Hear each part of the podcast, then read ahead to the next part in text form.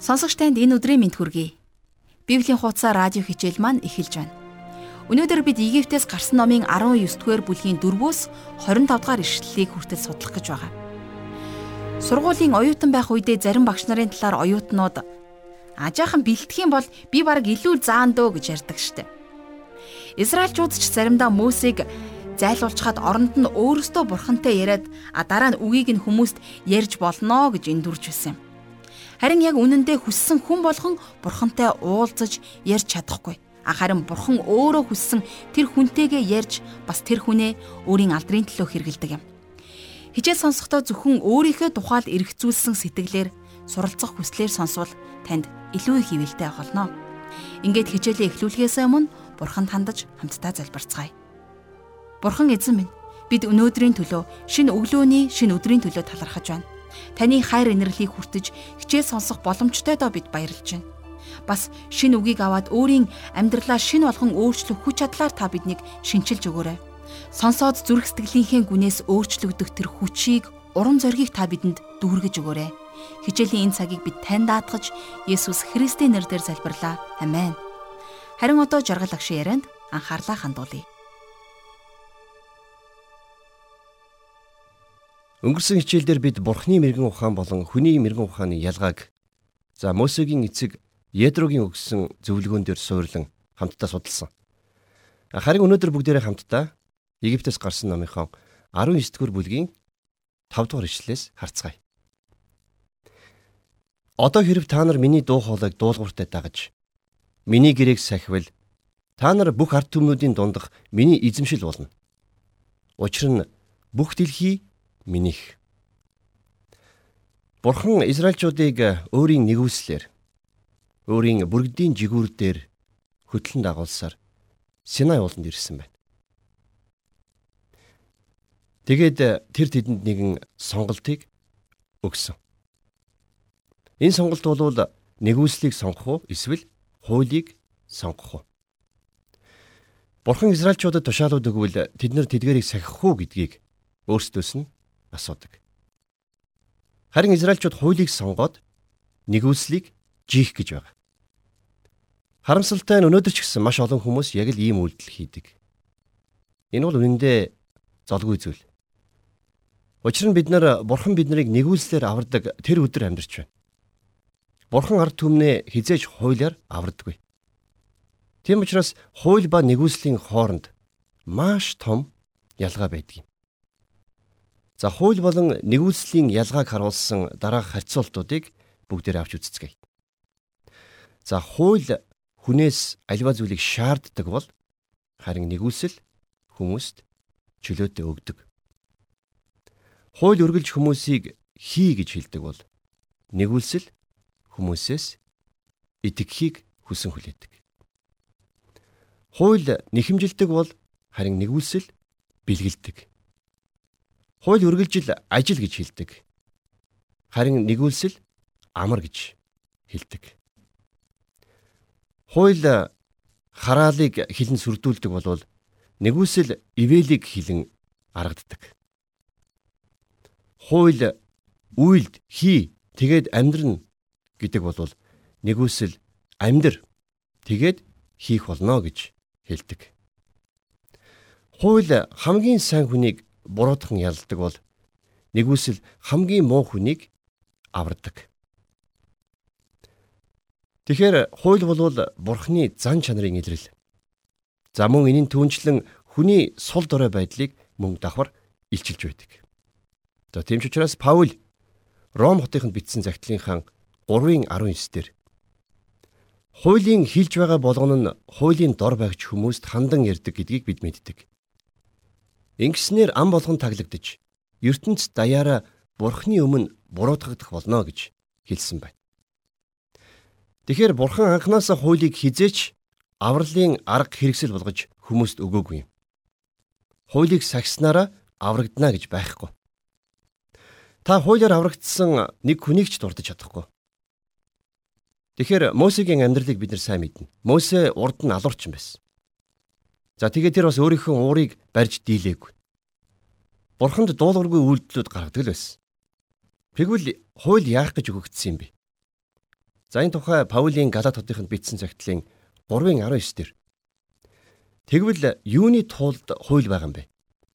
Энэ нь амлалтыг авсан нэгэнд үр эртэл зуучийн гараар Тэнгэр элч нараар дамжуулж тогтоогдсон нүгэл хилэнцээс болж нэмэгдэжээ гэж тайлбарласан байна. За тэгэхээр энэ бол нэгэн тодорхой шалтгаан байсан. Юу гэхээр хууль биднийг гим нүгэлтнүүд гэдгийг илчлэхийн тулд өгөгдсөн юм. За энэ нь үр ирэх хүртэл төр зур өгөгдсөн байсан. Тэгэхээр саяхан бидний уншсан ишлэлд яригдж байгаа үр болвол эзэн Есүс Христийг хэлж байна. За цаашлах юм бол Паул Галат хотынд бичсэн загтлынхаа 3-ын 24 дугаар ишлэлдэр Тиймд бид итгэлээр зөвтгөгдөхийн тулд бидний хувьд хууль нь биднийг Христ рүү хандуулах зааварлагч болвоо гэж үргэлжлүүлэн бичсэн байдаг. За тэгэхээр зааварлагч гэдэг энэ үг бол багш гэсэн утгатай биш. Харин Ромын язгууртны гэр бүлд хүүхдүүдийг нь харж халамжилдаг байсан нэгэн зарцыг хэлж байгаа. Тэр хүүхдийг хооллон хувцлаж, завгааж, за хэрэгцээтэй үед нь хамар амийг нь цэвэрлэж шаардлагатай бол усанд оруулж өгдөг. Хүүхэд сургуульд ороход хангалттай үе зааварлагч түүнийг бас хүргэж өгдөг. За тэгэхээр зааварлагч гэдэг энэ үг нь болохоор грекээр paidagogos өөрөөр хэлэх юм бол орчуулбал хүүхэд дамжуулагч гэсэн утгатай юм. Тэр жаахан хүүхдийн гараас нь хөдлөөд сургуульд нь хөргөж өгдөг. За тэгэхээр хууль бол бидний зааварлагч. Бидний paidagogos Энэ нь биднийг жаахан хүүхд шиг гараас минь бариад тэгээд Есүсийн загалмай руу хөтэлдэг юм. Тэгээд миний бяцхан хүүхэд чамд аврагч хэрэгтэй. Чи бол гим нүгэлтэн. Тиймээс аврагдах хэрэгтэй гэж энэ педагогос бидэнд хэлдэг юм. За цааш нь 6 дугаар ишлэлээс хамтдаа харцгаая. Та нар надад тахилч нарын хаанчлал ариун үндэстэн болно. Эдгээр үгсийг чи Израилийн хүүгүүдэд хэлгээв. Бурхан уг нь Израилийг тахилч нарын нэг хаанчлал болгохыг хүссэн юм. Бүх овгууд тахилчд байх ёстой байсан. Кадеш Барния гэдэг газар руу орох нь бүтлгүүдсэн болохоор Мосег уулан дээр Бурханы хуулийг хүлээж авч байх хооронд тэд нар нэгэн алтан тугал хийгээд мөргсөн учраас зөвхөн нэг нь л тахилч овг байхаар сонгогдсон байна. А гисэн хэдий ч мянган жилийн хаанчлах бурхны туйлын зорилго бол бүх үндэстэн тахилч нарын нэг хаанчлал болгох юм. За тэгэхээр энэхүү үйл явдал бол чуулганыг энэ дэлхийгээс аваад за хожим Тэнгэрт шинэ Иерусалимд эзэн Есүс Христтэй хамт байх болсноос нилээн хойно болох үйл явдал байг юм. За 19 дэх бүлгийн 7 дугаар ишлэгийг харцгаая. Тинхүү Мосе ирж ард түмний ахмадуудыг дуудан өөрт нь эзний тушаалсан эдгээр бүх үгсийг тэдэнд хэлв. За эдгээр хүмүүсийг сонстоо. Тэд нэр ямар их ихтгэлтэй байсан гэж. За 8 дугаар ишлэгийг харцгаая. Бүх ард түмэн нийтээрээ эзний айлдсан бүхнийг бид биелүүлнэ гэцгээв. Мосе ард түмний үгийг эзэнд дамжууллаа. За тэгэхээр Синай уулан дээр Израиль үндэстэнд хуулийг өгсөн нь хуулийн үеийн эхлэл болсон юм. За энэ үе нь Синай уулнаас давлын толгодын загалмай хүртэл Египтээс гарснаас загалмай хүртэл үргэлжилдэг. Энэ нь төгс нөхцөл байдлаар амьдрах хүмүүст тэд нар хуулийг сахиж чаддгүй гэх тэр илчлэлт нь болсон. Эзний хэлсэн бүгдийг тэд хийнэ гэж ам гарсан. Тэд нар энэ нь юу байсныг мэдхээс өмнө за тэрийг аваад ир. Бид нар наадхыг чинь сахих болно гэж хэлсэн гэсэн үг. Тэгээд тэд нар хуулийг сахиж чадахгүй гэдгээ 1500 жилийн турш өөрсдийнхөө байдаг байдлаараа харуулсан. Энэ бол өнөөдрийн олон хүмүүсийн хандлага. Тэд жирийн хүн бурханд таалагдж чадна гэж боддог. Жирийн хүн хуулийг сахиж чадахгүй. Тэд нар сахих гэж оролдоод ч аимшигтайгаар бүдэрдэг юм. Хууль нь хуучин мөн чанарыг хянахын тулд өгөгдсөн. А гэтэл хүн болгон хуулийн өмнө бүдэрсэн. За Паул энэ тухай Ром хотынд бичсэн захидлынхаа 8 дугаар бүлгийн 6-аас 7 дугаар ишлэлдэр Махан биеийн бодол санаа бол үхэл. Сүнсний бодол санаа бол ам ба амар тайван болоо. Ягд гэвэл махан биеийн бодол санаа бол бурхны эсрэг дайсагнал юм. Учир нь энэ нь Бурхны хуйлд захирагддаггүй бөгөөд тэгж чадахчгүй гэж дүгнсэн байна. За тэгэхээр надад за мөн бас танд ч гэсэн нэгэн хуучин мөн чанар гэж байдаг. За энэ хүү хуучин мөн чанар бурханд хизээч дуулууртай байж чадахгүй. Түүнд хизээч таалагдж чадахгүй. Тэгэхээр магадгүй та энэ нээлтийг амьдралдаа хийсэн л баг. Өөрөөр хэлэх юм бол та бурхны стандарт жишгт хүрэхгүй гэдгээ олж мэдсэн лавтай. Харин энэ бүхний эцэст бурхан өөрөө арга хэмжээ авсанд би түүнд үнэхээр талархаж байна. Би бүх хуулийг чандлан сахисан гэж хэлэх хүн гарч ирэх юм бол тэр хүн ердөөсөө хоёр нүрдэн. Хинч бурхны стандартад тэнцэж чадахгүй. Та Израилийг харал да.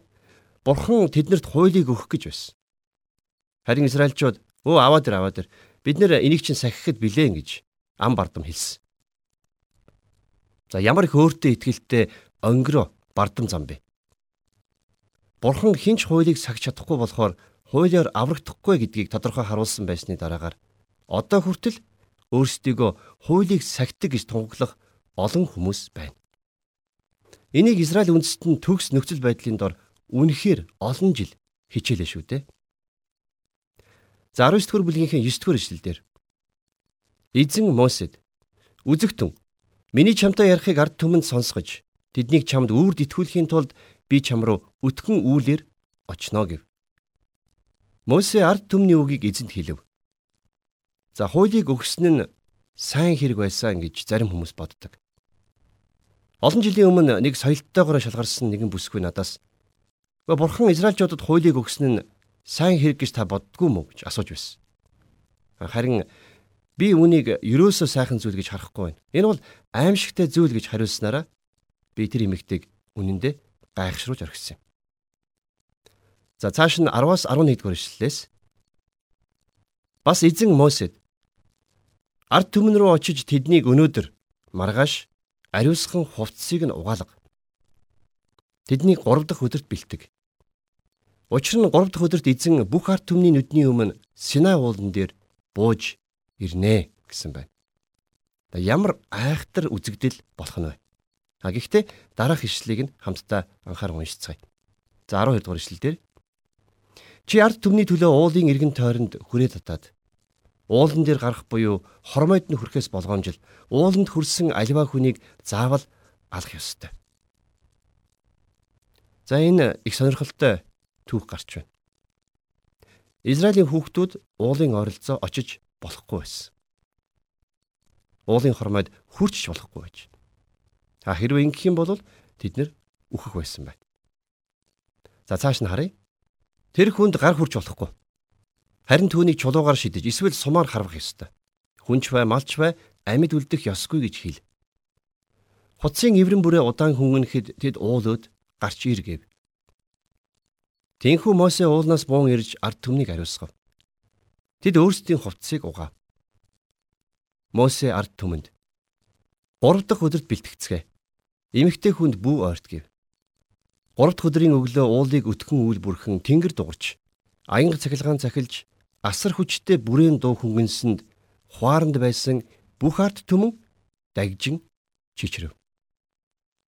За тэгэхээр яг бүх юм бурхны хэлсэн ёсоор болж байсан учраас арт түмэн энэхүү аимшигт үзэгдлийг хараад үнэхээр дагжин айцгаасан байна.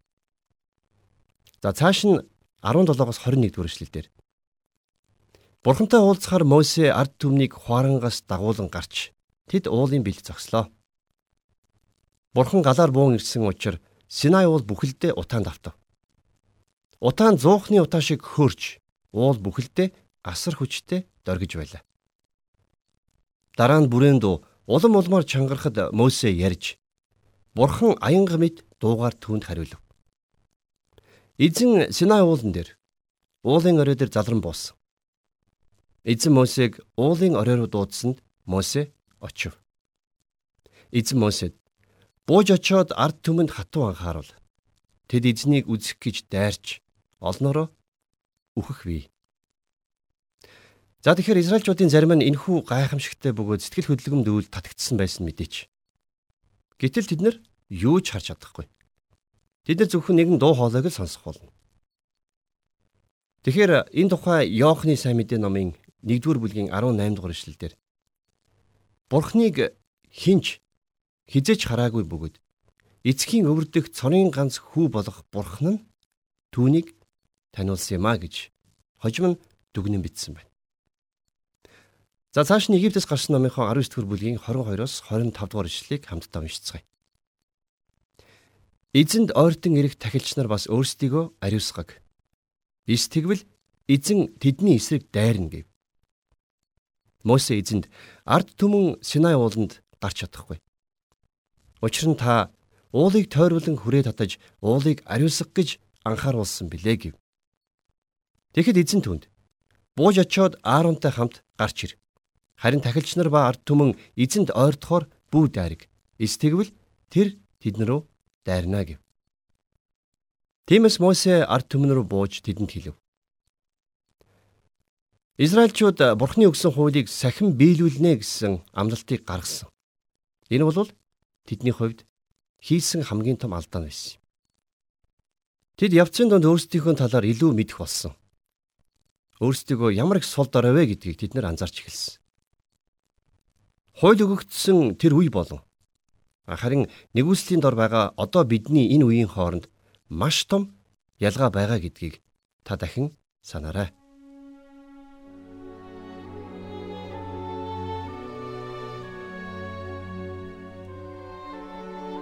Тэгэхээр хижээл заасан багштай баярлалаа. Хүн хэлхээс нааш ухаарахгүй, цаас чичхээс нааш цоорохгүй гэдэг дэм амьдралыг урд яваа ахмад үеэсээ сонсож дагалгүйгээр туулна гэдэг бас л амаргүй даваа. Харин бурхантай уулзахгүйгээр утга учиртай амьдрах бүрч хэцүү. Мосе ард түмэндээ хэрэгтэй хуулийн үгийг хүлээн авч байхдаа бурханд л гол анхаарлаа хандуулж байсан юм. Магадгүй өөр хүн байсан бол бурхан минь ээ тэд чин энэ үгийг сонсоод дагаж чадахгүй штэ гэд хүний өмнөөс яриа зогсож байсан байх бах. Харин Мөсө бурхны үг хэнийг ч өөрчлөх чадaltaй гэдгийг амьдралаараа ойлгож мэдэрсэн нэгэн байсан юм. Тэгээд түүний итгэсэн бурхан нь түүний ард түмэн болох Израильчуудыг хайрлан бүхий л амлалтаа биелүүлж өгсөн юм. Тэгвэл та яагаад энэ үгийг бариад өөрийн хайртай хүмүүсийнхэн амьдралд очиж тэднийг урайлж болохгүй гэж? Энэ л үгээр өнөөдрийн хичээлээ төгсгөөд хамтдаа залбирцгаая. Эзэн бурхан минь бид танд өнөөдрийн хичээлийн төлөө онцгойлон талархаж байна. Таны хуулийн үг байхгүй бол яаж амьдрахыг бас хэрхэн харилцахыг мэдэхгүй олон алдаа гаргаж бид нар амьдрах байсан байх.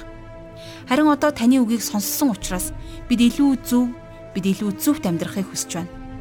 Та намайг өөрчилж, өөрийгөө дайчлахад минь туслаарай. Хичээлээ зүгээр сонсоод өнгөрөх биш. Бид бас таны үг болгоныг амьдралдаа хэрэгжүүлэгчд баймаар байна. Бид танд оюун санаа, зүрх сэтгэл, ам амьдралаа даатгаж Есүс Христ хааны нэрээр залбирлаа. Амен.